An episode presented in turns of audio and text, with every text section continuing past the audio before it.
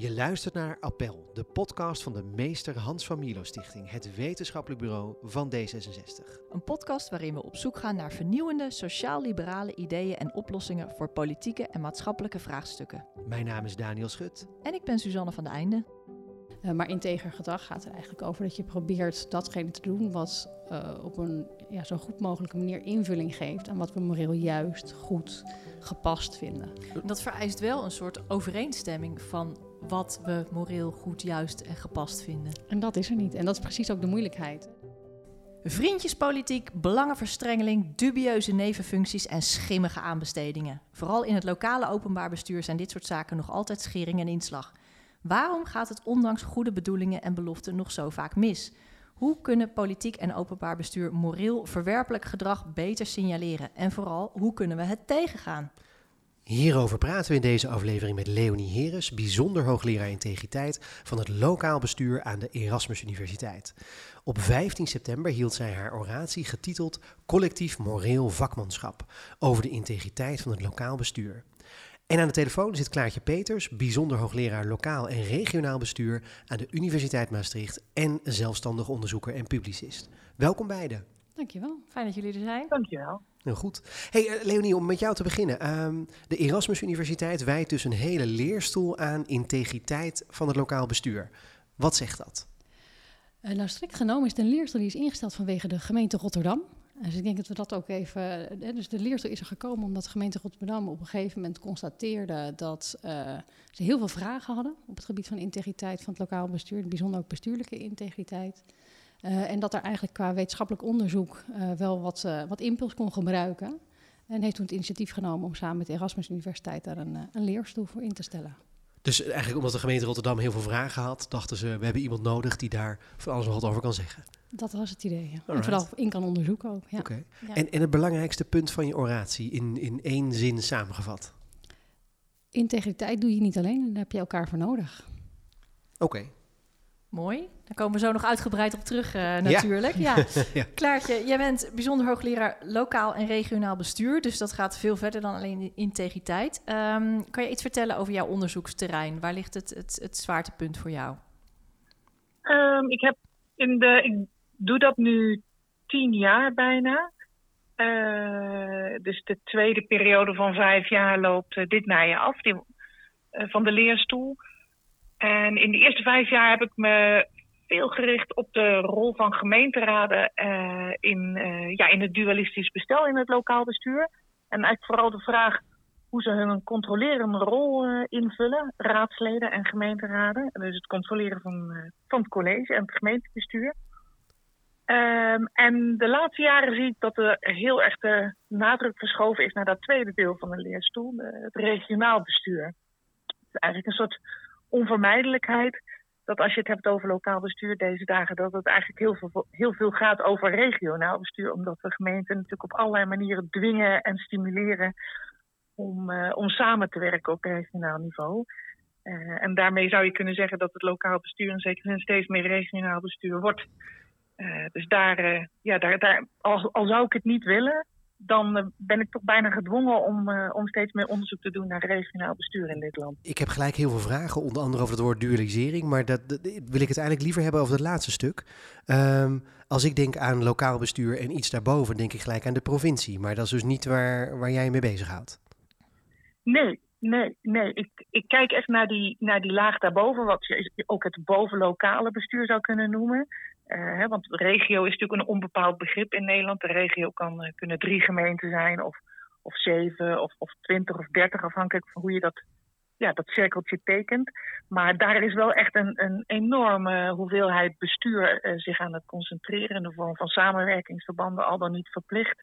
Iedereen kent ze ook natuurlijk, de veiligheidsregio, de GGD, de omgevingsdienst, maar ook allerlei andere vormen van, van samenwerking. En uh, ja, daar, daar gebeurt het steeds meer. En, uh, en dat stelt gemeentebestuurders en met name ook gemeenteraden wel voor, voor uitdagingen. Omdat het ja, letterlijk uh, een, een hoger niveau is. Hè? Of het zit verder weg, ver van je, ver van je bed. Dus dat maakt ja, dingen als controleren en kaderstellen voor gemeenteraden en raadsleden echt wel een stuk moeilijker. Ja. En daar hebben we het laatste woord ook nog niet over gesproken met z'n allen. Want ja, als, als dat zo door blijft gaan, zonder dat wij dat regionale niveau van een democratische legitimatie voorzien, een eigen gekozen volksvertegenwoordiging, zolang als we dat niet willen, en dat, dat, dat willen we al decennia lang niet in Nederland, dan, uh, ja, dan blijft dat daar op dat schimmige niveau, precies zoals jij zegt, tussen gemeente en provincie blijft zich dat afspelen. We zagen Leonie erbij knikken. Ja, klopt. Vertel. Nou ja, ik herken me in, in dat, uh, die worsteling van de democratische legitimiteit die, die gezocht wordt bij dat boven, bovenlokale niveau. Het is niet mijn, mijn specifieke onderzoeksthema, maar het is een, een worsteling die denk ik uh, heel herkenbaar is in het lokaal bestuur. Ja, ja. Maar Klaartje, je zei dat, je, dat de leerstoel um, over niet al te lange tijd afloopt, hè? Ja, die, die, het gaat steeds in periodes van vijf jaar. Dus ik ben nu, uh, ik heb, het lijkt erop dat ik, uh, dat ik nog een keer voor, uh, voor een periode mag. Oké, okay. ik wou zeggen, dus ook nog... het is dus nodig dat, het nog, dat er nog onderzoek naar gedaan blijft worden, zeg maar. Het zou geen goede zaak zijn als het, hier, als het nu stopt na deze periode. Nee, nee, nee. dat is zeker waar. En ik, ik, ik heb bij een bijzondere leerstoel in Maastricht ook echt wel in mijn faculteit een, een bijzondere plek, omdat ik echt heel, heel erg praktijkgericht onderzoek doe. En dat is toch aan de universiteit nog niet heel. Uh, dat, dat, uiteindelijk gebeurt dat nog steeds niet heel veel. Anno 300, uh, 2023 nog steeds niet. Dus ik, ja, het is wel echt heel hard nodig dat het ja. gebeurt. Ja. Uh, het is natuurlijk een druppeltje op de gloeiende plaat, die ene dag in de week. Maar ja, nodig. Ja. Zeker, mooi. Um, integriteit. Sinds 2013 monitort de Politieke Integriteitsindex elk jaar de schendingen van integriteit van politici in Nederland. Dat levert ook altijd wel veel uh, publiciteit op. Um, Leonie, kan je nou even een paar concrete voorbeelden noemen van integriteitsschendingen binnen het lokaal bestuur? Voorbeelden die jij het meest eigenlijk uh, ja, tot de verbeelding vindt spreken, om het even goed duidelijk te hebben waar we het over hebben. Het moeilijk is dat het heel erg uiteen kan lopen. Dus laat ik dat vooropstellen. Het kan echt over van alles gaan. Uh, van een raadslid dat meestemt over een kwestie waar hij zelf een, een concreet eigen specifiek belang bij heeft. Uh, tot een wethouder die een vergunning verleent waar die een belang bij heeft. En het gaat om belangenverstrengeling of de schijn daarvan. Tot aan omgangsvormen, grensoverschrijdend gedrag, wat we natuurlijk ook geregeld lezen de afgelopen tijd. Uh, maar ook over corruptie, fraude. Uh, en tot op het snijvlak ook van ondermijning bijvoorbeeld. Hè, dus oh, ondermijning is? Ondermijning is dat de, ja, even heel simpel gezegd, hè, dat de onderwereld probeert de bovenwereld te doordringen door zich te vermengen met, uh, nou ja, in dit geval dan bestuurders in het lokaal bestuur. Dus door bijvoorbeeld wethouders voor zich te winnen of raadsleden partijen voor zich te winnen.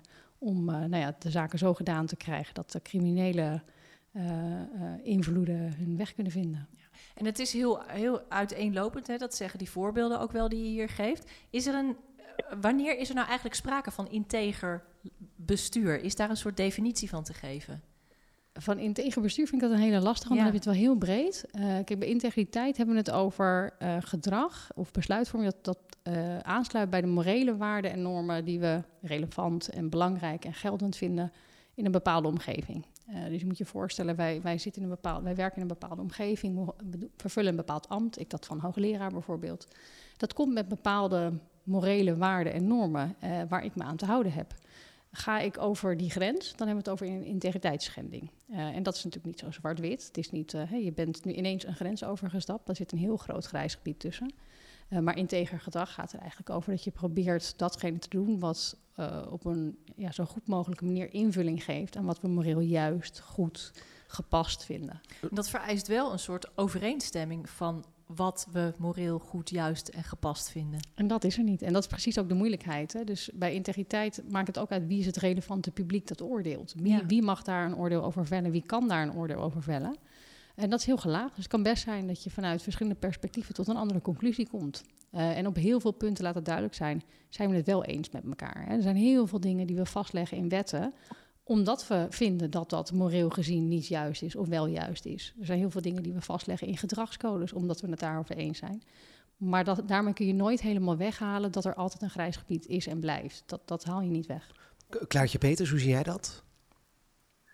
Um, ja, ik kan daar eigenlijk alleen maar mee instemmen. Leonie is bovendien natuurlijk ook echt de specialist op dit uh, terrein. Maar ik herken ook heel erg wat ze zegt over de, de enerzijds het kader wat, uh, wat bestaat in het lokaal bestuur, waar iedereen ook wel van weet en waar iedereen ook, ja, waar denk ik eigenlijk geen discussie over is. En anderzijds ehm, ja, dat er, ik denk dan meer aan die, die grijze gebieden die zeg maar buiten. Ik zie het voor me als een soort cirkel met een wettelijk kader. En daarbuiten zit, ja, begint het zeg maar van, van zwart naar wit of grijs te worden. En ja, daar, daar, daar zitten natuurlijk allemaal vragen in, die, in dat grijze gebied. Uh, waar ik in de praktijk dus bijvoorbeeld raadsleden mee, mee zie worstelen. En gemeenten, uh, gemeentebestuurders uh, met die raadsleden samen over wat nou eigenlijk wel en niet mag en kan. en daar zie je ook verschillen natuurlijk tussen mensen en, en gemeenten. Dat vind ik interessant, want je zegt dus je, je helpt de raadsleden concreet met die vragen. Heb je daar een voorbeeld van, hoe je dat dan doet? Nou, nee, ik, ik help ze niet. Ik, ik hoor meer, ik hoor dat natuurlijk. Ik kom dat veel tegen. Hè. ja, ik kom heel veel in gemeenteraden. Ik ben ook al heel lang uh, actief in het uh, land van lokale rekenkamers sinds de start daarvan 20 jaar geleden. en ik, ik weet en ik hoor, ze daar, ik hoor ze daarmee worstelen. En soms hebben we het er natuurlijk met elkaar over. Raadsleden in de meeste gemeenten hebben daar geen professionele ondersteuning in. Dus die kloppen voor dat soort vragen dan aan bij de griffier of de burgemeester. Ja, en die zijn, dat zijn uiteindelijk natuurlijk ook geen professionele integriteitsbewakers. Ook al heeft de burgemeester, burgemeester wel een wettelijke taak op dat gebied. Dus dat, dat proberen ook heel veel uh, mensen in zo'n gemeente dan met elkaar een beetje met gezond verstand uh, mm uh, ja, te beantwoorden. Die vragen daarover, kan dit eigenlijk wel? En, en nou, het voelt niet goed, ja, waarom dan niet? En kunnen we, daar een, kunnen we dat relateren aan ofwel de wet ofwel bijvoorbeeld een gedragscode die er is? Dus ik, ik zie wel heel veel van die worstelingen en die vragen. En, uh, het is wel interessant dat, dat, het, dat het dus zo'n worsteling is. Hè? Van, van wat van kan, precies wat jij zegt, kan dit wel, mag dat wel. Waarom is het zo'n worsteling? Het gaat in de, in de basis, denk ik, om wat we, wat we het allerbelangrijkste vinden. Het zijn morele waarden en normen. Dus het gaat niet over iets wat we leuk vinden of aardig of nodig of nuttig. Het, het gaat eigenlijk ten diepste over wat we belangrijk vinden in het leven en wat we de iets waard vinden. Dus dat raakt ook heel diep aan, aan wie we zijn en onze identiteit. Uh, niet alleen onze eigen, maar ook, ook als collectief, als gemeenschap. En dat maakt het, denk ik, juist een worsteling, omdat we ons continu te verhouden hebben tot allerlei dingen die veranderen ook in die omgeving en in die samenleving. Daar zijn we continu naar aan het zoeken. En um, juist het gegeven dat hier, dit, dit kun je niet vastpakken. Je kan niet zeggen, daar ligt het. Je kan het niet in cijfers uitdrukken. Uh, je, kan het niet in een begroting zetten. Uh, je, je, kan er een jaarverslag van maken, maar dan blijft het nog heel ongrijpbaar wat, wat het nou eigenlijk is en waar we het precies over hebben. En dat maakt het gewoon ook heel erg zoeken. Het is, het, er zijn ongelooflijk veel woorden die we ervoor nodig hebben om de uitdrukking aan te geven, omdat het ook gaat over gevoel, intuïtie. Uh, ja. Is het ook niet, uh, als ik af en toe wel eens naar een gemeenteraad kijk hoe het daar gaat, dan zie je ook vaak dat uh, gemeenteraadsleden spreken dan bijvoorbeeld voor insprekers. Dan moet er iets gedaan worden. Zeg maar wat, er moet een nieuwe parkeergarage aangelegd worden... of uh, nieuwe flatgebouwen in een mooi historisch centrum. Ik verzin even wat, hè? geen idee waar dit plaatsvindt. Maar, maar is het ook niet zo dat het voor de meeste burgers best ingewikkeld is... om te snappen wat een integriteitskwestie dan op dat moment is? Iemand zegt, ik wil dat daar een flatgebouw komt als inspreker... of ik wil dat het juist niet komt...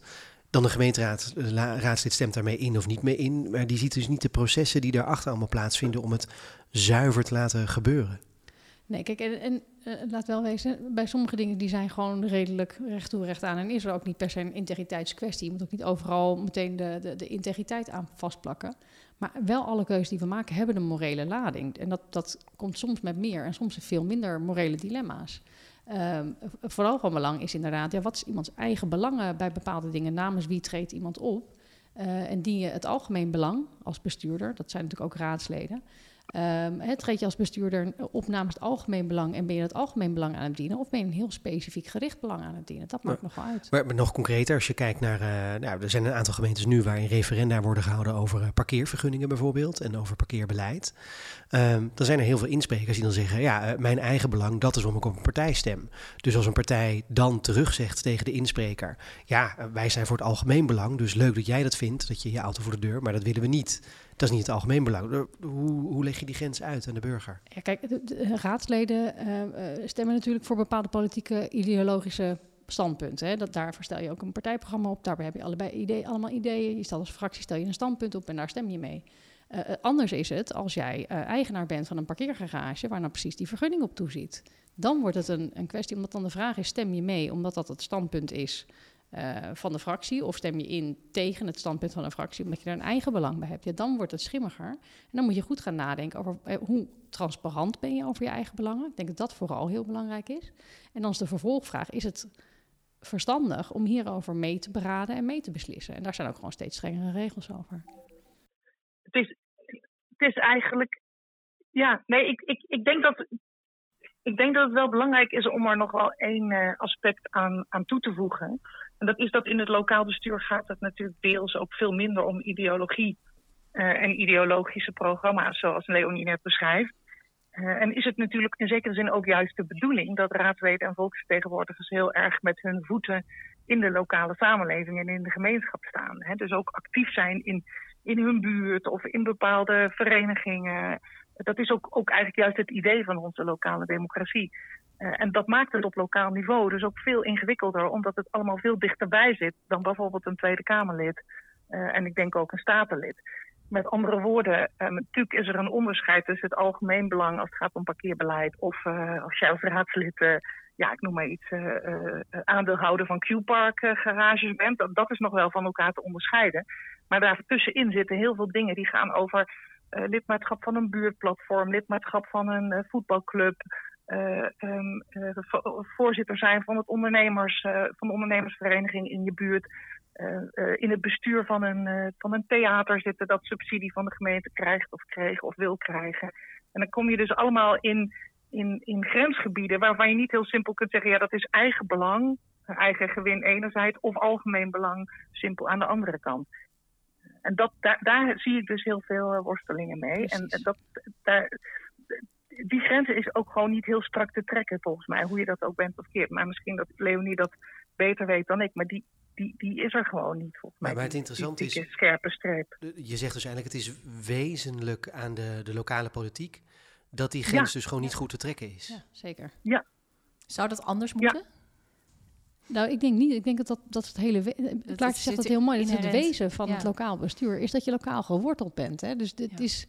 Eh, het lokaal bestuur is er om dingen zo lokaal mogelijk te organiseren. En die burger zo, hè, om het op zo'n laag mogelijk niveau, dat die burger daarbij te betrekken. En, en ehm, dan is het heel lastig om te zeggen, nee, we gaan het allemaal weghalen. Dat, dat, dat moet je juist niet willen doen. Eh, je wil ook juist mensen die in die gemeenschap zijn eh, en die dus horen, die zien, die ervaren wat er in die gemeenschap gebeurt en dus aandacht verdient in de politiek en in het bestuur. Dus, Maakt dus ook ik- goede volksvertegenwoordigers. Hè? Mensen ja. die, die, die in hun buurt zien dat, eh, ik noem maar iets, dat er heel veel overlast is van, eh, van parkeren. En dan krijg je dus inderdaad een verzoek vanuit de buurt. Kunnen wij hier vergunning parkeren in de buurt krijgen?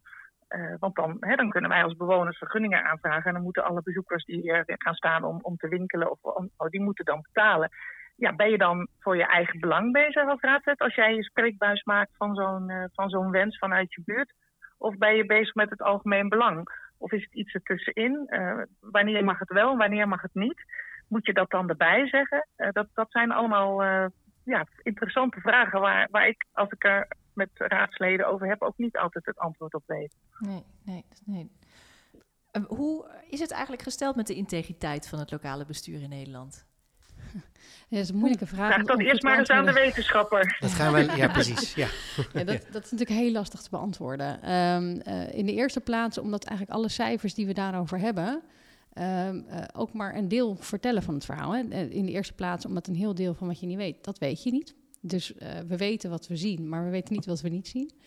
Eh, en daar tegenover staat dat hoe meer aandacht we hebben voor integriteit, hoe meer we ook gaan zien. Dus je ziet de afgelopen tijd, nou, je noemde net de politieke integriteitsindex. Afgelopen jaar het, meeste, of het hoogste aantal eh, politieke integriteitsaffaires in de afgelopen tien jaar. Ja, dan zou je zeggen, dat wordt steeds erger. Eh, ja, dat is maar de vraag. Eh, wordt het steeds erger of hebben we er meer aandacht over, waardoor we het eerder en vaker bespreken? Ja. Hebben we er meer aandacht over en zoeken we meer naar grijs gebied, naar integriteitsschendingen, waardoor we ook dingen eerder opsporen? Ja, dat is maar net de vraag. Ja. Eh, dus dat weten we gewoon niet. En hoe, hoe meet je dat überhaupt? Gaat dat om meldingen of, of hoe, hoe, wordt dat bijgehouden? Eh, nou, wat je, wat je kunt meten, tussen aanleidingstekens zeg ik er nadrukkelijk bij, eh, zijn integriteitsschendingen, zou ik zeggen. Ja. Eh, dat is eigenlijk wat, wat er nu vooral gebeurt. Dus we kijken eigenlijk vooral naar, naar waar het er niet is. Ehm, wat op zichzelf ook heel veel zegt, denk ik.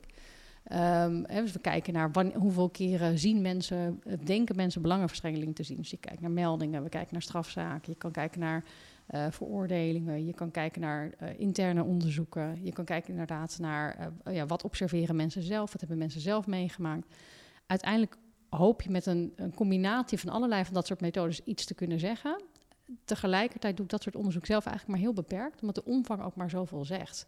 En het, het, gaat niet, mij niet zozeer om de omvang van het probleem, maar veel, veel meer om de omgang met het probleem. Je bent vooral kwetsbaar als je uh, geen zicht hebt op wat de risico's zijn en geen zicht hebt op hoe je met die risico's moet omgaan. Dat is denk ik belangrijker uh, dan te constateren: goh, we hebben drie strafzaken, dus het is geen probleem. Dus die, die cijfers op zichzelf zijn heel moeilijk te duiden en te interpreteren. Uh, betekent niet dat we daar niet onderzoek naar moeten doen, maar het, is, het zegt maar echt een heel klein stukje van, de, van wat we nodig hebben om hier goed begrip van te krijgen. -hmm. En je zegt van het, uh, hoe, hoe, je met die risico's omgaat, of je die risico's ziet. Wat, wat zijn de grote risico's als het gaat om dit onderwerp? Er zijn heel veel verschillende soorten risico's. Ik denk vooral uh, risico's op het terrein van belangenverstrengeling zijn natuurlijk dingen die we veel terugzien. Dus dat mensen gewoon niet, door, niet goed in beeld hebben dat hun betrokkenheid ergens bij nog wel eens zou kunnen leiden tot allerlei vraagtekens bij anderen die ofwel dat, tot daadwerkelijk belangenverstrengeling kunnen leiden. Dat mensen zich bewust of onbewust laten leiden door belangen die eigenlijk niet uh, een onderdeel van dat besluit zouden moeten zijn. Uh, maar ook tot de schijn van. En dat is eigenlijk nu vooral de discussie, denk ik. Uh, al bij de schijn van zijn we heel erg. er wordt al heel veel aandacht aan besteed. Wat de vraag maar is: wat is het werkelijke risico hier? Kunnen die belangen ook echt verstrengeld raken? Of is het vooral een vage associatie tussen X en Y, waar we dan vervolgens het label belangenverstrengeling op plakken? Ik denk dat we daar heel terughoudend mee moeten omgaan. Uh, en het ook een opdracht is om degene die, die daar nou ja, een, een risico in meent te zien, om het concreet te maken van wat is het risico dan ook echt? Waar kunnen die belangen elkaar raken? Uh, en, en hoe ga je dat dan proberen te voorkomen? Want, want, dat is wel interessant. In de krant lees je heel vaak inderdaad uh, de, de, nor de, norm die opgelegd wordt aan veel bestuurders en politici. Dat je überhaupt al de schijn van belangenverstrengeling moet zien te voorkomen. Ja, ja. Maar dat is schier onmogelijk. Het is schier onmogelijk. betekent niet dat je natuurlijk niet je best kunt doen om daar waar, je, waar het eenvoudig vermijdbaar is, kun je dat natuurlijk gewoon doen. En is denk ik ook in het belang om dat te doen. Wat je niet wil, is dat er allerlei vraagtekens continu opkomen en dat daardoor het vertrouwen ook uh, uh, wordt geschaad. Maar dat, dat er af en toe vragen zullen zijn, omdat het misschien op het eerste gezicht verdacht lijkt, terwijl er helemaal weinig aan de hand is. Ja, dat zal gebeuren. Um, wat ik bestuurders vaak ook aanraad, is het gaat er niet zozeer om dat er geen schijn van belangenverstrengeling is, maar heb je een duidelijk verhaal bij? Heb je er goed over nagedacht aan de voorkant, zodat je ook goed kan uitleggen hoe, hoe zo'n morele afweging gemaakt is en hoe de belangen inderdaad elkaar niet raken en hoe je hebt voorkomen, op allerlei manieren misschien, dat die belangen bij elkaar verstrengeld raken. Dus uitleggen. Nou ja, en dan ook vooral vooraf over nadenken. Ja. Uh, en vooraf ook met elkaar bespreken wat voor maatregelen je daartegen neemt. Als er een mogelijk risico bestaat, wat doe je dan aan de voorkant om dat risico te, te minimaliseren? Klaartje, hoe zijn, hoe zijn uh, lokale besturen daarmee bezig? Wat merk jij daarvan? Nou ja, kijk, er zijn natuurlijk in de loop van de jaren uh, wordt daar in elke gemeente uh, wel over gepraat. Al dan niet omdat er een gedragscode wordt, wordt opgesteld. Um, en dan hebben ze het natuurlijk met elkaar over. Uh, het is ook steeds actueler geworden bij de benoeming van wethouders natuurlijk. Die, die worden gescreend voor ze aantreden. Of nadat ze zijn volgens mij voorgedragen. Dus het is wel steeds meer een gespreksonderwerp geworden. Maar mij valt wel op dat, Leonie zegt het heel mooi, dat je, je moet inderdaad proberen ja, precies te zijn en ook te expliciteren wat die risico's dan zijn. En dan merk ik altijd, daar heb ik zelf ook over dat heb ik zelf ook moeten leren. Dat je, dat je ook even nadenkt over de vraag waarom het eigenlijk uh, uh, uh, niet goed zou zijn als je over een bepaald onderwerp meestemt, bijvoorbeeld als raadslid. Wat, hè, of dat, als niet bekend is dat jij een bepaald belang hebt. en waar, waarom is dat eigenlijk een risico? Waar zit dat risico dan precies in? En dat, het helpt heel erg om dat door te akkeren met, met elkaar als, als raad en als, als college en raad samen. Al dan niet met behulp van een gespreksleider die, ja, die verstand van zaken heeft. Omdat je je dan gewoon realiseert waarom dat nodig is. En ik vind het altijd interessant om te zien dat we tegenwoordig bestuurders en, en, en raadsleden uh, verplichten om hun nevenfuncties bekend te maken. Wat een bijna een soort bureaucratische verplichting is in, in veel gemeenten. Terwijl daar zit natuurlijk een deel van de, ja, eigenlijk van die precisie waar Leonie het over heeft. Omdat als jij dat als dat bekend is dat jij bestuurslid bij een theater bent, dat ook meegaat in, de, in, de kunsten, in het kunstenplan. En ja, dan, als dat gewoon duidelijk is dat jij uh, daar een rol speelt, dan, dan, dan is dat risico meteen ook een stuk kleiner als dat, als dat bekend is.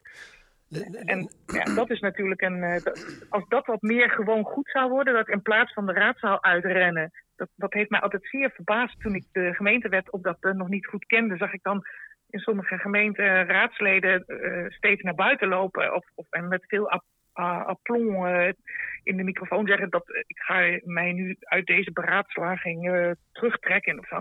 dan dacht ik ook altijd van ja, als je nou gewoon zegt waarom dan, dan, dan zou je misschien wel gewoon kunnen blijven zitten en ook deel kunnen nemen aan die beraadslaging. In plaats van er zo, zo ja, bijna geheimzinnig en mystified over te doen. Maar, maar is dat niet omdat, Klaartje, omdat in, in, de lokale politiek is natuurlijk het ingewikkelde dat. Laat ik het anders zeggen. Je zegt net, je moet het als raad samen doorakkeren. Wat, wat de goede wat de afwegingen zijn eigenlijk. En dan moet je dus vooraf en achteraf met elkaar bespreekbaar maken. Maar het probleem natuurlijk is dat in de raad, daar zitten fracties en er zit een BMW, die soms ook elkaars concurrenten zijn en die elkaar misschien dingen ook daardoor niet gunnen. Um, het voorbeeld wat je noemt van iemand die als uh, in, in de raad van advies van een theater zit of zo bijvoorbeeld. Ja, om het even heel plat te zeggen, er zijn bepaalde politieke partijen die vinden dat allemaal maar linkse hobby's. Dus zo gauw je dat op de website zet en bekend maakt, dan zal je gelijk al vragen krijgen over, ja, maar hoe politiek neutraal ben jij als raadslid? Um, en dan, dan kun je het niet meer lekker met elkaar doorakkeren, dan heb je gewoon gelijk ruzie erover. Ja, dat, dat, dat, dat, maar volgens mij gebeurt dat nog niet eens zoveel, omdat het dus eigenlijk niet, dat meestal niet uitgebreid wordt besproken. Uh, maar dat zou natuurlijk in zekere zin ook helemaal niet te erg zijn, omdat elke partij heeft dus zijn eigen type uh, netwerken waar, uh, waar die zich graag in begeeft. Dat is ook weer onderdeel inderdaad van je, van je, je ideologie of je, je, je standpunten. Dus ik denk toch dat, het, dat je er niet aan ontkomt om, om met elkaar in discussie te gaan. Of je voorzitter mag zijn van het ondernemersplatform in jouw buurt. Uh, uh, en of je uh, voorzitter mag zijn van de Raad van Advies van een theater dat subsidie krijgt van de gemeente. Ik denk, ik denk dat je er niet aan ontkomt om dat met elkaar op enig moment toch te wisselen. Maar ik ben het zeer met je eens dat het openbare karakter van politiek en ook het, het, ja, het bakkeleien of, of erger nog dan dat, in, in sommige gemeenteraden meer dan andere natuurlijk, dat dat wel een, een, een barrière kan vormen. Ja. Misschien om aan te vullen, ik denk ook dat het een van de opdrachten voor de politiek voor de komende tijd is ook om minder bang te worden voor dit soort vragen. Als jij een goed verhaal hebt bij wat jouw rol is bij het een en wat jouw rol is bij het ander. Uh, en dat je goed in beeld hebt van waar die rollen elkaar wel of niet kunnen raken, dan kun je daar ook gewoon een helder verhaal over geven. En ik, ik ben niet naïef over de, over de politieke context. En tegelijkertijd denk ik wel, ja, alle partijen hebben er belang bij om dat ambt uh, ook op lange termijn integer te houden. En ik denk dat dat ook, we hebben het nu heel veel over wat je niet wilt, maar wat je eigenlijk wel wilt, is vooral dat, dat eigenlijk in die raad een soort morgens ontstaan, waarbij die vragen gesteld worden vanuit een soort oprechte nieuwsgierigheid. En dat je dan ook tot de conclusie kunt komen dat er dus weinig is. En dat het dus prima is om transparant te zijn over bepaalde belangen. Dat vraagt iets van de politiek. Uh, maar is denk ik wel heel hoog nodig in een tijd waarin juist dat vertrouwen in de, in de politiek uh, ook heel veel aandacht vraagt. Maar nu geldt wel vaak in politieke debatten, denk helemaal op lokaal niveau, dat dat woord integriteit wel een soort troefkaart is. Als een politieke partij roept, dat is niet een teger, dan schikt iedereen en dan gaan de deuren dicht en dan, uh, oh jee, dan moet er een onderzoek gedaan worden. Ja, je, je zegt het is heel vaak een troefkaart, dat is natuurlijk maar de vraag. Uh, hè, dus zeg ik wel even als wetenschap, daar hebben we helemaal geen cijfers over. Dus okay. wat, wat we hm. weten is dat bestuurders uh, zelf ervaren dat er een trend zou zijn. Um, um, maar echt onderzocht hebben we dat niet. Uh, we, sterker nog, we hebben niet eens een echt goede definitie voor, voor dit fenomeen, hè, wat dan vaak integritisme wordt genoemd. Een echt goede definitie is er nog niet, die heel precies is. Uh, laat staan dat we het kunnen operationaliseren. Laat staan dat we, nou ja, de vraag die ik hiervoor heb gesteld, hoe we dat kunnen meten. laten we daar maar eens eerst bij beginnen. En, en, ik denk ook, als ik kijk naar de praktijken die ik om me heen zie, de suggestie wordt heel vaak gewekt dat het met, altijd met politieke doeleinden is. Maar het kan ook vanuit op zichzelf integere bedoelingen zijn. Maar dat een vraag inderdaad nou ja, onbedoeld suggestief wordt gesteld... of, of op een handige manier op een, een, vervelende toon. Daar kunnen heel andere dingen achter zitten. Maar we zoeken er vaak hele politieke, machtsbeluste uh, motieven achter. Maar de vraag is of dat altijd het geval is. Ja. Dat kan, maar dat hoeft niet. Ja. Misschien om nog even een, een concreet voorbeeld erbij te pakken. Klaartje, jij schreef vorig jaar een opiniestuk in NRC... waarin je heel kritisch was op het onderzoek getiteld... Engelen bestaan niet, dat de provincie Limburg had besteld over de bestuurscultuur in Limburg. en de conclusie van het rapport was dat het in Limburg eigenlijk niet slechter is gesteld met de bestuurscultuur in andere delen van het land. Um, kan je misschien even uitleggen waar dat onderzoek precies over ging? Um, eerst dat eventjes.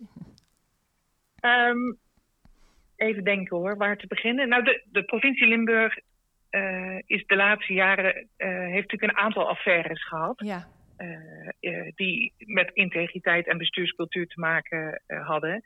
En er waren ook diverse rapporten over verschenen door allerlei verschillende partijen. Ook bijvoorbeeld de Provinciale Rekenkamer. Kan je nog, ingehuurde... kan je nog zo'n affaire noemen? Even voor de... de bekendste is, tenminste wat ik zelf ook altijd wel de mooiste vind, is de Klusjesmannen-affaire. Uh, dat was de term die, uh, denk ik, de provincie zelf aan oud-politici, oud-bestuurders had gegeven. Voor die, die opdrachten kregen van de provincie als, nadat ze waren vertrokken als, als gedeputeerden, met name. En ik denk dat het, het was NRC Handelsblad die, die, die de klusjesmannen heeft gedoopt. en dat waren, dat waren een aantal mannen ook vooral. Ehm, het is een interessante vraag aan Leonie of er nog een genderaspect bij integriteit te bekennen heeft. Maar het, het, kwam ook misschien omdat de meeste provinciebestuurders in ieder geval in het verleden in Limburg mannen waren. Maar ja, die kregen dus uh, achtereenvolgens steeds grote opdrachten van de provincie om uh, als adviseur of als, als, als interim uh, bestuurder. En um, dat ging, ging om hele forse bedragen. En um, nou ja, daar, dat, NRC heeft dat opgegraven toen en, en daar, en daar groots, groots over gepubliceerd. Tot grote ergernissen in in, eh, in het provinciehuis in Limburg.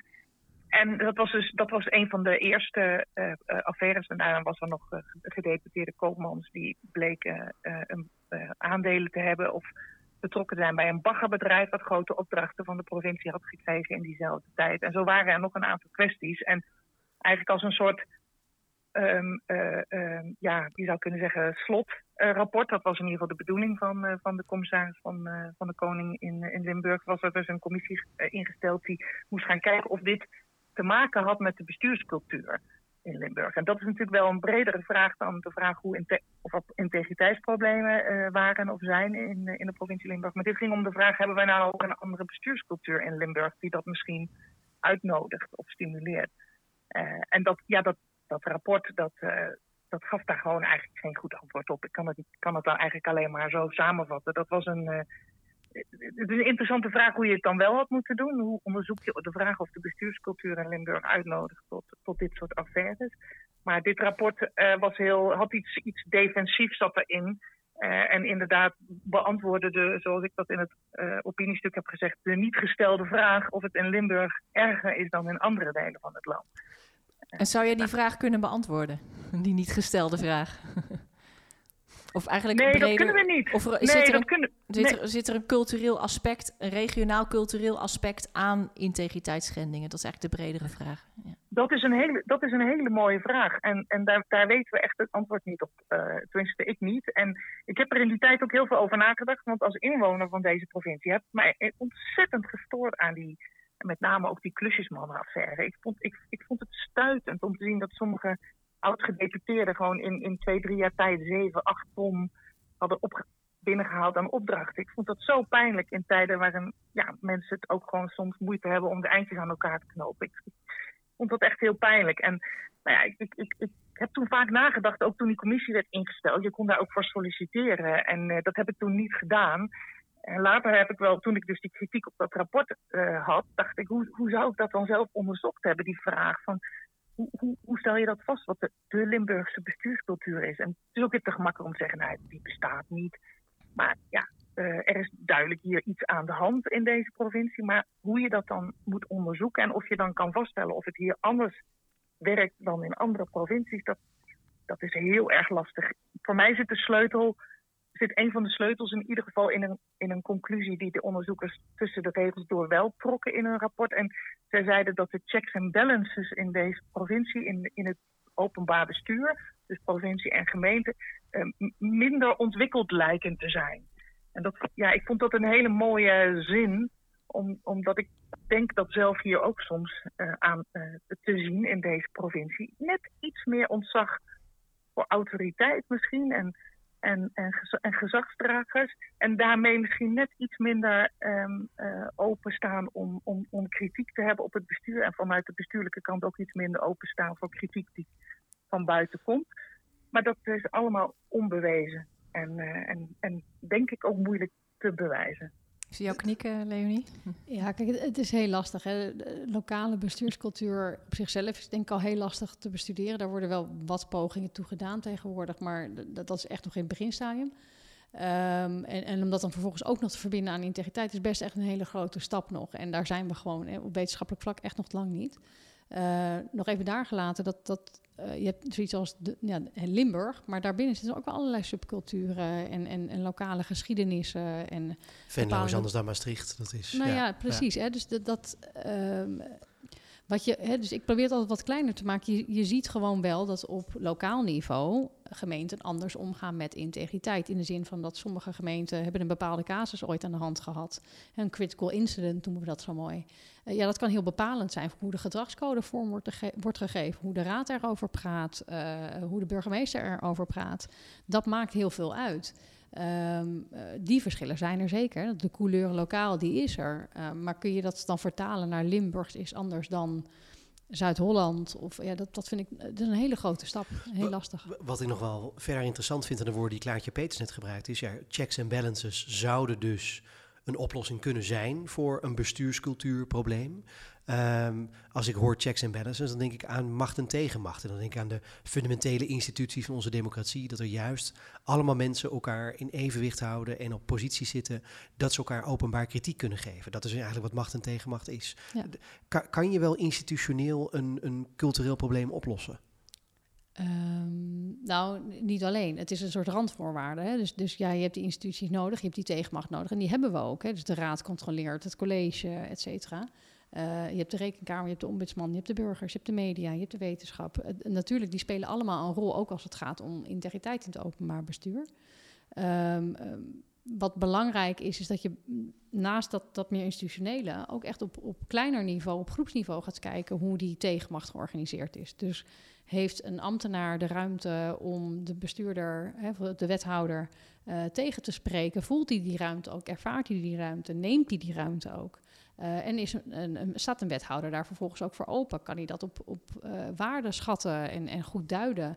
Of is die geneigd dat toch minder te horen omdat dat van een ambtenaar komt? Dat maakt nogal uit. En dan heb je het ook over tegenmacht. Dus op institutioneel niveau heb je dan de, de, ambtelijke en en de bestuurlijke macht.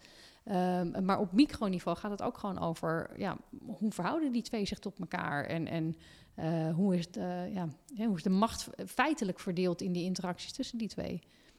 Ja, mooi, voor, mooi voorbeeld wat Leonie noemt. Want in een aantal van die rapporten die in de afgelopen jaren over de cultuur op het Limburgse provinciehuis zijn verschenen, is dat ook precies een soort um, ja, uh, centrale kwestie. Dat is dus bijna niet, um, uh, dat is bijna niet te hard uh, zeg maar te bewijzen hè, hoe de interactie tussen bestuurders en ambtenaren verloopt. Uh, maar in sommige rapporten zag je bijvoorbeeld terug in de, in de, in de interviews, in de gespreksverslagen die in de bijlagen zaten. Zag je dan precies verwijzingen hiernaar dat ambtenaren bepaalde bestuurders nauwelijks durfden tegen te spreken. En nou ja, je zou kunnen zeggen, we, we, hebben gezien wat voor ellende daar dan van is gekomen. Maar dat is bijna natuurlijk niet, dat is bijna niet hard te maken. Dus het laat ook inderdaad zien hoe de beperkingen in het doen van onderzoek. Uh, en het laat ook zien hoe, hoe, hoe, precies wat jij vraagt, Daniel, van hoe zou je daar dan, um, hoe werk je daar dan wel aan? Maar? Wat is dan de manier om dat te doen? En ik ben overigens nog niet zo enthousiast als Leonie over de institutionele waarborgen die er in het lokaal bestuur zijn. Want de media zijn natuurlijk bijna afwezig.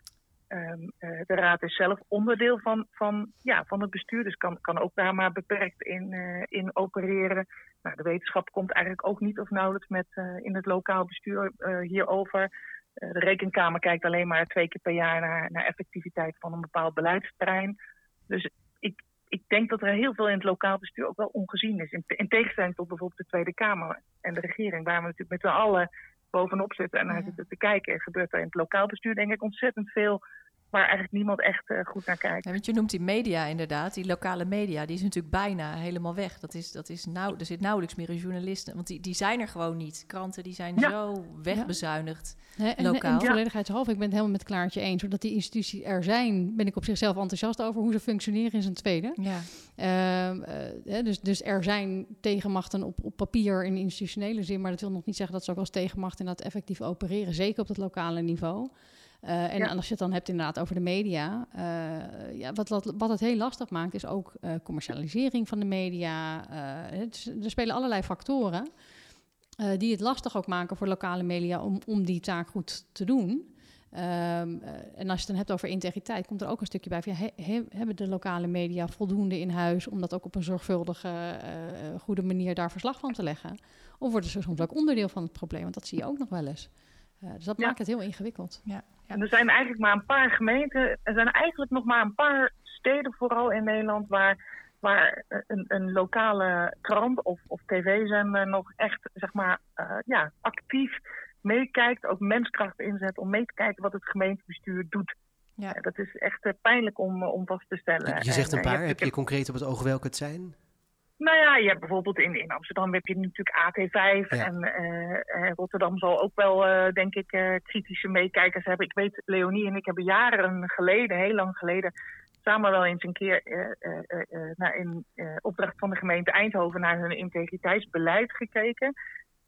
en ik weet nog dat we toen ook stuiten op een vrij actief Eindhovens dagblad, die daar één of twee mensen op had zitten, op de gemeente had zitten, zoals ze dat dan uitdrukken. Nou, dat, dat, dat zie je eigenlijk bijna nergens meer. Dat, dat, dat journalisten daarvan zijn vrijgesteld. In zekere zin dus ook, ook, ook veel achter de schermen of in de, hè, in de wandelgangen spreken met politici, bestuurders, ambtenaren, vergaderingen volgen. En dus ook op een gegeven moment patronen kunnen zien, goed geïnformeerd zijn. Ja, dat, dat, dat, dat zie je bijna nergens meer. Denk dat bijna alle regio nou, regionale kranten destijds dat hadden. De Haagse Courant had dat ook, weet ik. Die had inderdaad twee man-vrouw op de gemeenteraad zitten, inderdaad. En uh, dat werd gewoon goed in de gaten. Ja, zo zeg je het ook. Die zit erop. Ja, precies. Ja, precies. Ja, ja. ja. Misschien even nog als het gaat inderdaad om waarborgen en instituties. Um, politieke partijen die maken hè, bij het selecteren van kandidaten uh, ook gebruik van hey, uitgebreide screening, selectieprocedures. Uh, om te kijken ook, uh, ik zie jou bedenkelijk ja, Leonie kijkt. Uitgebreide screening wisselt nog wel. Wisselt ja. nog wel, ja. Maar daar gaat het dus, ja, dat, die zijn dus blijkbaar ook niet, uh, zeker niet waterdicht en ook niet Nee, natuurlijk niet. Denk genoeg. Ik, een, een, screening is een momentopname. Hè. Dus dat, dat is wat je, wat je aan de voorkant als het ware, als een soort van bare minimum, kijk je naar wie halen we eigenlijk in huis en wie, wie gaat ons representeren. Uh, of treedt namens ons op. Dat, dat is stap één. Um, maar ja, ik zei helemaal aan het begin, zei ik, integriteit doe je niet alleen. Dat, dat doe je met elkaar. Uh, dat zit hem vooral dus inderdaad hierin. Integriteit is niet iets, uh, dan ben je en dan, en dan gedraag je je integer. Zo werken mensen helemaal niet. Mensen werken, natuurlijk uh, hebben mensen allerlei individuele motieven, belangen, drijfveren. maar uiteindelijk wordt een heel deel van ons gedrag ook bepaald door hoe we met elkaar omgaan. en door wat we om ons heen zien gebeuren. Door de structuren en de systemen waarbinnen we ons begeven. Dus het maakt nogal uit of jij uh, in een politieke partij terechtkomt die aandacht heeft voor hoe doe ik op een zuivere manier, geef ik invulling aan het ambt en die jou daarin ondersteunt, die je daarin ook helpt bekwamen, uh, die jou helpt om dat gesprek ook over morele kwesties uh, goed te voeren op de juiste toon, met de juiste nieuwsgierigheid, oordeelvrij. of dat die vooral zegt, nou hier heb je een eendaagse dag op de hei één keer in de vier jaar. Uh, en dan hebben we het een keer over integriteit, dan kan het van het lijstje af. Dat, dat maakt nogal wat uit uh, voor hoe zo'n, uh, nou ja, of het nou een raadslid of een wethouder is, hoe die omgaat met integriteit. Dus die screening is maar een heel klein stukje van de puzzel. Ja, zijn er gemeenten dat jij weet waar dat al wel beter, beter gebeurt? Zeg maar waar dus die, de, integriteit, waar dat niet alleen een keer vier jaar een dagje op de hei is, maar waar daar wel meer collectief, wat meer verweven is eigenlijk met het dagelijks werk? Ja, er zijn, er zijn genoeg gemeenten, denk ik, die op allerlei manieren proberen hieraan te werken. Uh, de realiteit is natuurlijk ook, en dat moeten we wel ook uh, erkennen, er is weinig tijd. Ja. Er ligt heel veel druk. En daartussen proberen mensen integriteit ook nog op de agenda te zetten. Net als nou, noemen we privacy of uh, AI of nou, he, alle andere mogelijke onderwerpen. En ik denk dat dat uh, vooral de kern van het probleem is. Heel veel gemeenten um, herkennen nog niet of werken daar nog onvoldoende mee. Dat integriteit eigenlijk onderdeel van dat primaire proces is. Het is niet iets voor erbij of ernaast voor een keer apart. Het is niet een apart onderwerp, maar het zit eigenlijk in de manier waarop je werkt. Dus dan gaat het vooral over vragen als hoe richt je je routines in, je, je werkprocessen, hoe richt je je vergaderingen in. Hoe, hoe verloopt een overleg? Wie is als eerste aan het woord? Wie, uh, wie mag überhaupt aan het woord komen? Wie is daar dominant in? Uh, bevraag je aannames op een kritische manier. Dat, dat, dat soort dingen maken uit. En uh, eerlijkheid gebied te zeggen, daar hebben we gewoon heel weinig onderzoek naar, naar hoe dat concreet bij gemeenten gebeurt. Maar, maar het lastige is wel, je geeft nu ook aan, raadsleden hebben weinig tijd. Raadslid zijn, dat weten veel mensen niet, maar dat is natuurlijk een vrijwilligersbaan. Dat doe je er, dat is een erebaan eigenlijk, zeg maar. Uh, veel mensen, raadsleden, hebben nog een baan erbij, dus die moeten dat allemaal combineren. En je zegt tegelijkertijd, dit moet het fundament zijn van wat je doet als raadslid tegelijkertijd, iets als AI, privacy, moet ook alweer het fundament zijn. Dus ja, ja, hoe... Ja. Nou ja, kijk, het, het, heeft denk ik vooral te maken met hoe word je gesocialiseerd en geschoold in het worden van raadslid. Nou, er zijn natuurlijk allerlei manieren uh, waar, waarop daaraan gewerkt wordt. Hè. Vanuit de Nederlandse eh, Vereniging voor Raadsleden is daar aandacht voor. Um, maar ik denk ook in gewoon vrij letterlijk de rol die nestors in een raad bijvoorbeeld innemen. In hoe zij het debat voeren, de vragen die ze stellen. Uh, in in hè, fractiemedewerkers die al langer uh, rondlopen, uh, die raadsleden daarin kunnen ondersteunen. in het helpen van hoe je vragen daarover stelt. Uh, het zit aan de rol van de burgemeester, wethouders die daar op een bepaalde manier mee omgaan. Die soms ook mededogen hebben voor als een vraag dus inderdaad wat knulliger gesteld wordt en wat uh, beschuldigender overkomt. Uh, dat, dat zit in allerlei van dat soort aspecten ook. Dat doe je dus met elkaar. Want terecht de vraag is inderdaad, wat, wat kun je van een raadslid verwachten? Ik denk op termijn een hele hoop, maar je moet niet verwachten dat als ze binnenkomen dat ze alles al kunnen. Of alles al weten of meteen alles op het netvlies hebben staan. Ja. Klaartje, hoe worden raadsleden gesocialiseerd? Dit is een, voor mij een uh, moeilijke vraag, want ik ben wel ik ben een pessimist van nature.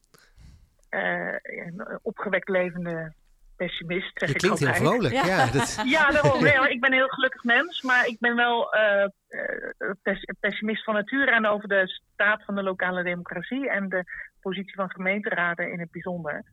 ik denk echt dat het een hele kwetsbare democratie is geworden. Uh, Leonie zegt net, de fractiemedewerkers, ja, die hebben ze dus eigenlijk niet. Hè, behalve in, in Rotterdam en in Amsterdam. Uh, ze hebben eigenlijk niks. Ze hebben een, in de meeste gemeenten een, ja, een griffier, een griffie van een halve man en een paardenkop is geloof ik de uitdrukking. Of anderhalve man en een paardenkop. Um, en ja, ze, ze, de, het is in zekere zin ook heel eenzaam. En ze hebben inderdaad uh, een partij. Uh, soms ook, is dat natuurlijk een lokale partij, dus dan is er niet dan nog een landelijke partijorganisatie waar je op kan terugvallen. En inderdaad een, een ontzettend gebrek aan tijd. Ze worden ook nog eens door het college van BNW natuurlijk uh, ja, vaak slecht en onvolledig geïnformeerd. en ze zien al hun taken naar, naar het regionaal niveau verschuiven. Dus ze hebben, het, ze hebben het op allerlei manieren. Ik kan, ik kan nog tien minuten doorgaan, dat zal ik niet doen, maar ze hebben het heel zwaar. En dit is dan Um, ja, en komt dit er nog bij? En, en we hebben natuurlijk heel veel moeite. De, de, meeste partijen in de meeste gemeenten hebben gewoon moeite om hun kandidatenlijst uh, goed uh, voor elkaar te krijgen. Uh, dus dat betekent ook dat je inderdaad ook minder hier aandacht aan kunt besteden. Het is niet zo dat je drie als partij in, in laten we zeggen Maastricht, waar, waar ik zit, dat je 300 kandidaat, geweldig goede kandidaten hebt en dat je daar dan eens even rustig kan gaan selecteren en screenen en nee, zo, zo, eh, zo, die luxe heeft bijna niemand meer. En dat betekent dus ook dat je veel van dat socialiseren, als het gaat om integriteit, zul je dus moeten doen als ze er eenmaal ook zijn. Ja, en dan is het ook, uh, ja, dan, dan, dan moet dat er ook weer bij. Dus, en dan is er ook nog eens eigenlijk heel, heel, heel veel onwetendheid, ook bij de, alle betrokkenen, bij de griffiers en de burgemeesters en de, en de zittende raadsleden. Het is niet zo dat Leonie overal langs kan gaan, uh, een paar avonden rustig kan vertellen ja, uh, hoe het zit. Uh, de gemeentewet er eens kan bijpakken. Wat gedragscodes uit diverse gemeenten kan, kan laten zien. Wat kwesties kan opwerpen waar je het met elkaar over moet hebben. Daar is inderdaad gewoon allemaal geen, geen tijd voor. Dus ja, dat is, dat, dat, dat is wel redelijk zorgelijk, vind ik. En tegelijkertijd, je kunt er ook als een optimist naar kijken en zeggen, nou, er is nog een hoop te doen. Ja, dat is waar. en het, het, het, het, klopt natuurlijk wat je zegt. In heel veel gemeenten mogen ze al blij zijn dat er überhaupt zich mensen zich kandidaat stellen. Uh, omdat, uh, nou, het is natuurlijk ook steeds intensiever, steeds, uh, een steeds heftigere baan geworden eigenlijk. Ook door alle negatieve reacties die politici, ook lokale politici, over zich heen krijgen. Maar Ja, is er toch. ook. Ja, maar is er toch niet iets wat partijen zouden kunnen doen om zich ook onder tijdsdruk, ook bij, met, met weinig kandidaten, om zich op voorhand beter te wapenen tegen eh, integriteitsschendingen of, of kandidaten daar beter zich bewust van te laten zijn in die, in die selectieprocedures dus? Ik- Nou, misschien een klein beetje verzetten tegen het idee dat integriteit alleen maar tijd kost. Ehm, um, want dat is namelijk wel vaak de perceptie. Eh, uiteindelijk, en dat is, dat is een ingewikkelder en genuanceerder verhaal. eh, op de korte termijn, inderdaad, moet je er aandacht aan besteden.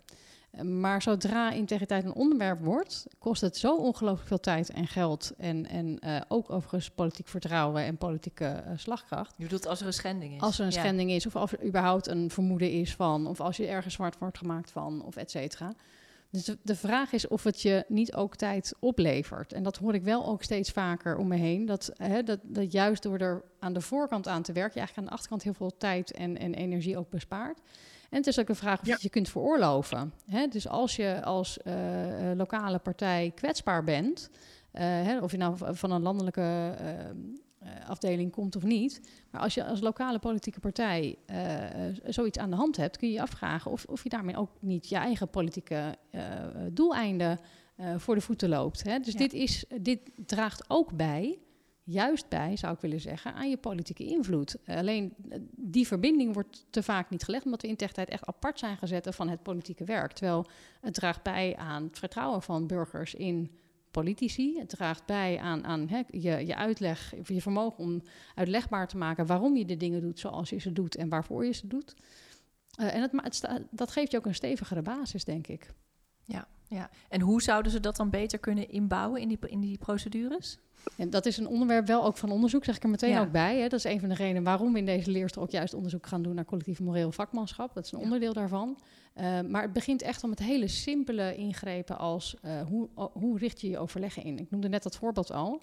Eh, maar niet alles kost extra tijd. Soms is het kwestie van dingen anders doen. En dat betekent dus gewoon dat bijvoorbeeld, als je een wat grotere fractie hebt, de fractievoorzitter niet altijd het woord voert. Maar dat anderen eerst het woord voerden. Of dat iedereen eerst voor zichzelf even wat dingen op papier zet. En dat we dan kijken wat we er eigenlijk met z'n allen van vinden. Of dat je altijd iemand aan tafel hebt zitten die de Telegraafjournalist of de NRC-journalist speelt. En altijd maar de kritische tegenvraag gaat stellen met hoe zit het eigenlijk hiermee. Niet om vervelend te zijn, maar wel om kritisch door te kunnen vragen op aannames, op veronderstellingen, op morele keuzes die gemaakt worden. In, in de organisatieleer kennen we dat het goed is om soms in teams een advocaat van de duivel te hebben. Precies. Maar dat is natuurlijk wel ontzettend moeilijk, want als fractie kom je bij elkaar, ook weer lokaal. En ik, ik kijk dan ook eh, via de telefoon even naar Klaartje. Je komt bij elkaar, eh, dan moet je in je avonduren moet je dat doen. Eh, en dan, dan, je bent ook een team, je werkt samen aan teamsfeer. En dan ineens moet één iemand van het team expres een soort rol advocaat van de duivel op zich nemen, die de teamsfeer misschien een beetje kan verpesten. Klaartje, de- de- hoe, hoe werkt dat? Leonie schudt al nee, maar ja. Ja, eigenlijk net als in alle teams is dat natuurlijk eh, iets wat je inderdaad je vooraf moet eh, ja, organiseren en je moet voornemen. Eh, en eh, in de ene fractie, de ene fractie is natuurlijk beter georganiseerd dan de andere. Sommige fracties zijn ook gewoon een eenmansfractie, dat wordt het ook al eh, lastig. Eh, maar goed, eh, je hebt dan ook soms steunfractie of burgerraadsleden bij. Maar je moet, je moet dat inderdaad in je, in je, in je routines, eh, je overleggen gaan inbouwen. En ja, dat, dat is inderdaad weinig tijd. Maar het, is- het, het, heeft ook iets te maken natuurlijk, en, en dat geldt in elk team, dat sommige mensen spelen die rol ook, kunnen die rol ook gemakkelijker eh, spelen, vinden dat ook leuker om te doen. En daar zou je natuurlijk aandacht voor kunnen hebben als je met je fractie bij het begin van een nieuwe raadperiode op, op high-sessie gaat of op fractieweekend. Dan zou je daar inderdaad gewoon een, eh, een onderwerp van kunnen maken, dat je dat voortaan eh, inbouwt. Dat is natuurlijk best een eh, mooie praktische tip. ja. Le- Leonie schudde al nee toen ik het zei. Ja, dus, nou ja, ik, ik denk dat het belangrijk is om te benadrukken dat het dus ook echt om een rol gaat. Je doet dat dus niet als persoon of vanuit Mhm. een persoonlijke mening of opvatting. Het is een rol die je op dat moment vervult. En zolang je dat ook uit elkaar weet te houden, eh, kan het juist, en je ziet, ziet het als onderdeel van betere besluiten nemen en beter doordachte keuzes maken, dan is dat niet ten nadele van de teamsfeer. Dan is dat je eigenlijk juist een kritische oefening die, die helpt om de dingen beter te doen. Eh, dat is iets heel anders dan wanneer we zeggen, eh, degene die daar veel affiniteit mee heeft, moet dat altijd doen. Nee, dit wil je juist roleren, zodat het een gebruikelijk onderdeel wordt van de rol. En mensen zich daar ook beter in kunnen bekwamen. Want het moet niet afhangen van die ene luis in de pels. Ja. Die gaat het toch wel doen. Maar je wil eigenlijk zorgen dat iedereen bekwaam is om die rol te vervullen. In, uh, in mei dit jaar kwam minister Bruin Slot, demissionair minister. Of inmiddels hm. heeft ze inmiddels alweer een andere functie trouwens. De, geen idee, zeggen, volgens mij nog steeds. Nu ik, nu ik, dit uitspreek, begin ik te twijfelen aan mijn eigen woorden. Maar zij is doorgeschoven. Zij is doorgeschoven. Is ze doorgeschoven? Ja, ja zeker. Ze is doorgeschoven. Ja. Ankie Bruin Slot kwam met het handboek um, Integriteit voor politieke ambtsdragers van decentrale overheden. Uh, en dat schrijft bijvoorbeeld ook gedragscodes voor. Uh, nou ben jij volgens mij, Leonie, vrij, als ik je goed heb, als ik goed heb begrepen, in je oratie wel weer kritisch op weer een gedragscode. Um, eerste vraag is eigenlijk: is dit, is dit hè, de aanbevelingen die hierin staan, biedt dat handvatten voor lokale bestuurders? Kunnen ze daar wat mee? En wat vind jij ervan? Nou, eh, vooropgesteld, kijk, dat handboek dat verzamelt eigenlijk vooral al die losse informatie die er voorheen was. Dus het is vooral, denk ik, een heel handzame manier om al die losse stukjes informatie die er voorheen waren in één handboek samen te brengen. Dat was eigenlijk al heel lang in het veld werd daarom geroepen, want je had de gedragscode hier en je had regelingen daar en je had natuurlijk wettelijke kaders en van alles had je op allerlei plekken verspreid liggen. Ja, en ga er dan maar aan staan met je tijdsdruk om als raadslid daar kennis van te nemen. Dus dat, dat is ook volgens mij de achtergrond geweest van dat handboek. Uh, en dat lijkt me heel nuttig en heel zinvol, uh, ook als naslagwerk en ook als een soort startpunt. Uh, in de oratie ben ik inderdaad kritisch op gedragscodes. Uh, niet zozeer omdat ik vind dat gedragscodes er niet zouden moeten zijn of, of dat ze geen functie hebben. Uh, maar we maken wel allerlei veronderstellingen over hoe integer gedrag tot stand komt. En een daarvan is dat duidelijkere regels of meer bewustzijn of meer rationaliteit, hè, rationeel nadenken over integriteit, dat dat tot integer, meer integer handelen leidt. En dat is een beetje een misvatting. Um, uh, meer duidelijkheid leidt niet altijd tot uh, meer duidelijkere regels, maar niet altijd tot meer integer gedrag. Het leidt vooral tot veel preciezer vastgelegdere regels. Veel meer dat je op een gegeven moment door de boom het bos niet meer ziet en ook niet echt uh, uit jezelf gemotiveerd bent om integer te gedragen, maar dat vooral voelt als een soort kader wat over je heen gestort wordt en daar moet je je dan maar aan houden. Uh, dat, dat doet iets met je motivatie om aan integriteit te werken, om over integriteit te spreken. Hè. Dus er wordt ook best wel een veel. Een soort angst of zo dat ook oproept. Ja, ja. angst, verkramping, maar ook, ook weerstand. Hè. We moeten weer wat en ik moet me aan al die regeltjes houden. Dat, dat, dat roept ook weerstand op. Hè. Dan mensen zeggen, waar gaat het nou eigenlijk over? We snappen toch allemaal wel dat we. En nou ja, dan krijg je dat, dat, die reactie. En dat werkt niet altijd per se positief. Want dan gaan mensen vooral nog op die regel, uh, op het naleven van die regels richten. Uh, en, en, vergeten ze de gedachte erachter van waar doen we het eigenlijk voor? Dus die, juist autonomie in morele waarden en normen toepassen is ook heel belangrijk om te zorgen dat mensen uit zichzelf veel meer gemotiveerd zijn en ook in staat zijn om uh, um, ja, het, het integer gedrag te laten zien. Als er niet een regel is of als er niet een kader vastgesteld is ergens al, dat ze zelf nadenken over wat is eigenlijk het moreel juiste om te doen. En de gedragscode is, een, is een heel, nou, ook weer zo'n heel klein stukje van een puzzel wat best kan helpen. Um, maar het leidt niet per se tot meer integer gedrag. Daar zijn echt andere dingen voor nodig. Wat denk jij, Klaartje? Nou, ik sloeg even aan, Leonie. Je zei, um, me, uh, uh, het is een misvatting dat duidelijkere regels leiden tot meer uh, integriteit. Maar je zei ook, je zei hetzelfde over meer bewustzijn. En toen dacht ik, maar, maar dat is toch op zichzelf wel noodzakelijk, zeg maar. Dus ik, als, als we het erover hebben met elkaar, als ze het erover hebben met elkaar dan is dat toch hoe dan ook winst, lijkt mij. Ja uh, en nee. Uh, bewustzijn is een belangrijke. Het, het, draagt bij. Maar het is niet het enige, omdat heel veel van ons moreel handelen ook uit automatisme en, en uit gewoontegedrag komt. Dus we ja. maken heel veel morele keuzes. En heel veel van ons moreel gedrag is eigenlijk iets waar we niet van tevoren bij stilstaan, maar wat we vooral achteraf aan onszelf uitleggen. Uh, en en ja. voor onszelf rechtvaardigen, zeg ik daar ook meteen bij. Een soort moreel, morele ja. rationalisaties krijg je dan. Uh, dus waar ik ja. eigenlijk ook in de oratie voor waarschuw is bewustzijn hartstikke mooi, maar dat is eigenlijk vaak waar heel veel integriteitsbeleid bij ophoudt. We dragen kennis over, we zorgen voor bewustzijn, we hebben het erover in heel algemene zin. Maar daarbij hebben we het nog niet voor elkaar dat bestuurders ook uh, over analytische vermogens beschikken of over kritisch denkvermogen beschikken. Of goed in staat zijn om te luisteren naar tegenspraak. Dat ze dat op waarde weten te schatten. Dat ze hun eigen biases leren herkennen. Uh, dat ze uh, ontvankelijk zijn voor kritische geluiden vanaf, vanuit andere hoeken. dat, dat is allemaal ook nodig om tot gedrag te komen. En bewustzijn is een stap. Maar heel veel moreel gedrag ontstaat ook buiten dat bewustzijn om. En heel veel niet-integer gedrag bestaat ook juist wanneer we ons bewust zijn van dingen, omdat we dingen gaan rationaliseren. Ja. Om het heel plat te zeggen, ik ken heel veel mensen die heel precies weten hoe hard je mag rijden, maar daar zijn ze zich heel bewust van, maar die gaan er toch overheen. Dat exact. Is, ja. Ja. ja, maar dat is wel een mooi, dat is wel een mooi uh, um, voorbeeld, Daniel, want ik denk, ehm, zonder dat ik iets wil afdoen aan, aan wat Leonie, Leonie net als opdracht eigenlijk meegeeft aan, nou ja, aan, aan, ons allemaal of aan bestuur, het, bestuurders uh, in het bijzonder, is denk ik de basis hier voor heel veel raadsleden is in ieder geval wel, die moet ook nog steeds worden gelegd. Uh, dus wat, en hè, jij zegt, ik weet wat er in de wet staat, hoe hard ik mag rijden. Maar ik denk dat de meeste raadsleden eigenlijk niet eens weten wat er precies hierover in de gemeentewet staat. Hè, ik heb zelf ook een, een, tijdje geleden pas voor het eerste wet er echt bij opengeslagen. Toen begreep ik dat die ook aan het veranderen was. Hè. Dus hij is per 1 januari is er, er zijn ook een aantal dingen, een aantal bepalingen uh, verduidelijkt en veranderd.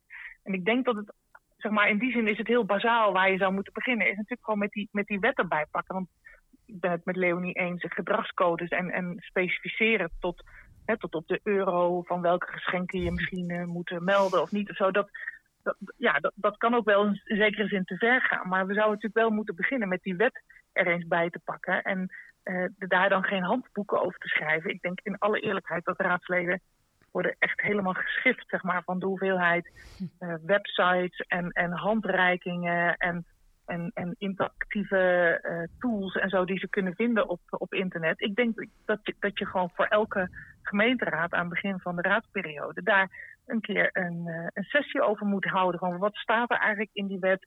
Wat betekent dat? Waar, waarom staat het er zo? Hoe interpreteer je dat? Uh, nou, dat, dat is een allereerste begin wat gewoon gemaakt zou moeten worden. En ik denk dat de meeste daar dat dat nog, nog steeds niet gebeurt. Eens. En wat een dus is het ook wel weer, ja, dat is dan ja. weer de optimist, uh, zeg maar. Die kan zeggen, nou, er is een heleboel te doen. En het is ook hartstikke duidelijk waar we dan in ieder geval moeten beginnen. En misschien zou zo'n sessie, behalve de wet, uh, ook meteen de andere kant van de medaille, de, de, de, de moraliteit dan moeten behandelen. Dus uh, misschien ben je dan al aan je tweede avond toe. Maar ja, goed, die wet, die moet wel, die ja. moeten we wel kennen. En, en daar, daar schort het echt volgens mij enorm aan. Ik ben, ik ben het erbij eens. Ik denk een belangrijke kanttekening is wel dat uh, als je begint met de wet en je eindigt met de wet en je hebt niet direct een opvolging die daarop voortborduurt, dat de boodschap die velen daar toch uit afleiden is: als ik me aan de wet houd, gedraag ik me integer. En dat, dat maakt het ook heel ingewikkeld. Dus die, die, ja, absoluut beginnen met uitleg van die wet. Laten we dat alsjeblieft maar gewoon een keer goed doen. Um, maar het lastige is dat je wel ook heel duidelijk moet maken dat integer handelen meer is dan alleen maar mag het van de wet. Uh, ja. he, past het, hoort het, ja. uh, is ook heel belangrijk om, om te overwegen. En juist dat gaat veel verder uh, dan, dan de regels erbij pakken. En dat is toch vaak waar je het nu, ik vrees ook een beetje vanuit onkunde, toe versmalt wordt. Is we hebben een gedragscode, die gaan we met elkaar bespreken en dan zijn we er. En dat is toch, toch echt zonde. Niet alleen mag het van de wet, maar mag het eigenlijk van onszelf. Vinden wij zelf dat dit mag. Ja. ja. Het interessante ja. is, het is al een fantastisch bruggetje naar onze vaste slotvraag. Uh, opdrachten aan elkaar en hoop voor de toekomst. Um, ik begin maar met Leonie straks. Dus uh, stel, je wordt nu minister in het volgende kabinet. Um, wat zou jij dan doen om integriteit in het lokale bestuur te bevorderen? Het is een beetje een... een uh, ik heb er even over nagedacht. Het is niet een eenvoudig, want dit, mijn handen gaan meteen jeuken. Um, maar ik denk dat het toch begint met de eigen organisatie op orde brengen. En dat klinkt misschien een beetje raar, want dat is dus niet het lokaal bestuur. Maar het begint volgens mij bij laten zien hoe je dat dus concreet kunt doen. Dus hoe richt je je eigen tegenspraak in? Hoe richt je eigen routines in? Uh, uh, zorg je dat bijvoorbeeld in de beleidsvoorstellen of de adviezen die je krijgt, uh, standaard de paragraaf zit met morele bezwaren die zijn geuit in het voorbereidende proces? Of zijn er, allerlei, er zijn allerlei dingen die je kunt doen als minister om dit voor jezelf te organiseren? En ik denk dat waar veel behoefte aan is, is concrete voorbeelden van mensen op dit niveau die dat doen en die dat ook uitdragen en laten zien. Uh, dus ik zou misschien niet eens beginnen met, uh, nou ja, alleen maar hè, verplicht iedereen de gemeentewet uh, aan het begin van de periode laten uitleggen. maar vooral eens beginnen bij, bij onszelf en laten zien hoe doen wij dat eigenlijk. Het, het goede voorbeeld geven. Het, dat is als je kinderen opvoedt, hè? Niet, ja. niet alleen maar vertellen hoe het moet, maar ja. zelf het proberen. Anders krijg je do as I I ja. Precies, ja. ja. ja. Klaartje. Wat ga jij doen? Ja. ja, nou, ik dacht ik hou het zo concreet mogelijk. Um, uh, en ik denk, ik heb de afgelopen jaren vaak naar het ministerie van Binnenlandse Zaken en Koninkrijksrelaties gekeken en gedacht, doen ze nou de, de goede dingen en doen ze dat op de goede manier? En een van de dingen waar ik wel eens mijn vraagtekens bij had, is dat ze uh, steeds vaker um, kiezen voor netwerkachtige instrumenten. Uh, en, maar ik denk dat dat hier heel mooi zou, zou kunnen passen.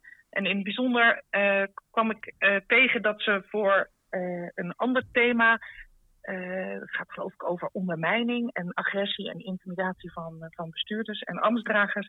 Zijn ze op dit moment bezig samen met de beroepsvereniging, beroepsvereniging en het lokaal bestuur om een ronde te maken langs alle gemeenten om daar een avond over te beleggen.